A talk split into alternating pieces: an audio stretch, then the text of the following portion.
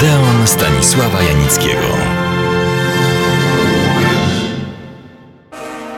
To oczywiście zbieg okoliczności i nie wyciągam z niego żadnych ogólnych wniosków, ale zastanawiające, ciekawe, nawet intrygujące jest, że wymienione i omówione w słowniku filmu dzieła rozpoczynające się od słowa ostatni są dziełami znakomitymi, ważnymi, będącymi w historii polskiego i światowego kina przysłowiowymi kamieniami milowymi sztuki filmowej. Oto one.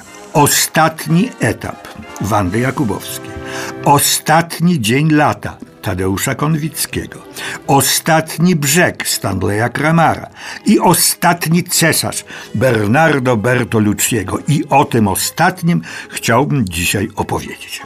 Reżysera, twórcę Bernardo Bertolucciego już Państwu przedstawiłem, czy przypomniałem. Jego najgłośniejszy i najbardziej skandalizujący film, Ostatnie tango w Paryżu, szczegółowo zaprezentowałem.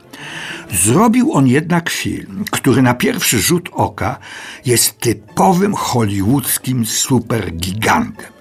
Rozmach inscenizacyjny, ilość miejsc akcji, a tym samym zdjęć, zespół świetnych aktorów, tysiące statystów, efektowne wykorzystanie autentycznych scenerii i krajobrazu i tak dalej, i tak dalej. Ale i na tym polega wartość tego filmu. Wszystko to służy opowiedzeniu dramatycznej, jak to nazwano, smutnej historii człowieka wplątanego w machinę dziejowych przemian, samotnego i bezwolnego, mimo swego wyjątkowego statusu. Tym człowiekiem jest ostatni cesarz Chin. Państwa o wielowiekowych dziejach, wielowiekowej kulturze, sztuce, filozofii, obyczaju. A dziś wracającym w zupełnie odmiennych warunkach do dawnej chwały. Tym razem w skali naprawdę światowej, choć już w zamierzchłych czasach nazywał się ten kraj państwem środka, środka świata. Postać ostatniego władcy takiego państwa musi być fascynująca. Tym bardziej, że cesarzowi Pui los niczego nie oszczędził. Objął władzę, kiedy miał trzy lata, ale de facto władzy żadnej nie miał. Decydowali o nim i o jego państwie inni. O tym, że będzie żył i działał w warunkach nienormalnych, ale zgodnych z obowiązującymi prawami i zwyczajami, przekonał się bardzo szybko. Nie mógł opuścić otoczonego murem zakazanego miasta w Pekinie. Pilnie, jednocześnie uprzejmie i z pokorą pilnowano młodocianego cesarza. Zwrot nastąpił, kiedy zaangażowano dla niego angielskiego nauczyciela. Pui poznał inny świat. Świat szeroko rozumianej kultury zachodu. Zapragnął podjąć studia w Oksfordzie. Nie zdążył, ponieważ wybuchła demokratyczna rewolucja Sun Yat-sena. Cesarz zrzekł się swej władzy, w zamian otrzymał luksusowe warunki bytowania. Rewolta monarchistyczna w 1917 roku trwała tylko 12 dni. Kolejne dramatyczne wydarzenie to napaść na początku lat 30. militarystycznej Japonii na Chiny.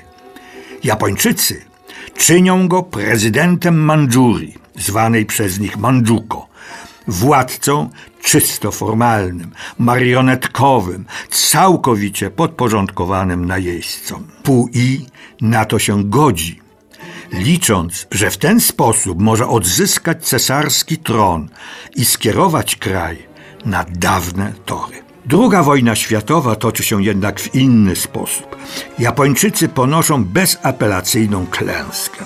Pui zostaje porwany przez radzieckich spadochroniarzy, osadzony w więzieniu, a następnie po bezwzględnym zwycięstwie wojsk Mao Tse-tunga przeniesiony do chińskiego już obozu reedukacyjnego. W 1959 roku został zwolniony i pracował jako ogrodnik, a następnie jako archiwista.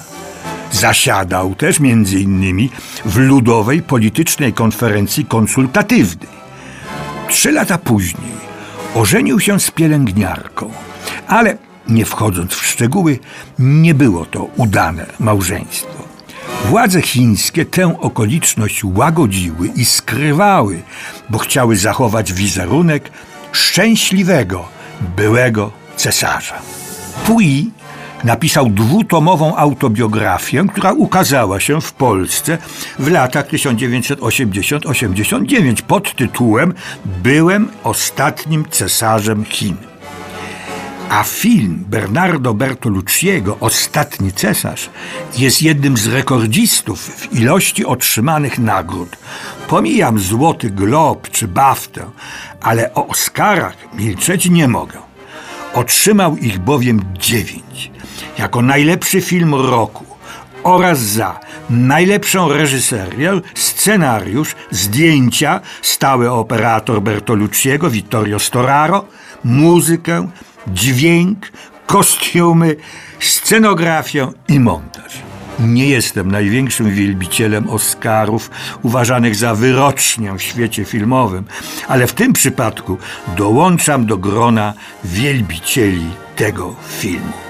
Podobno można go jeszcze kupić na płytach. Gorąco polecam i zapraszam do następnego Odeonu.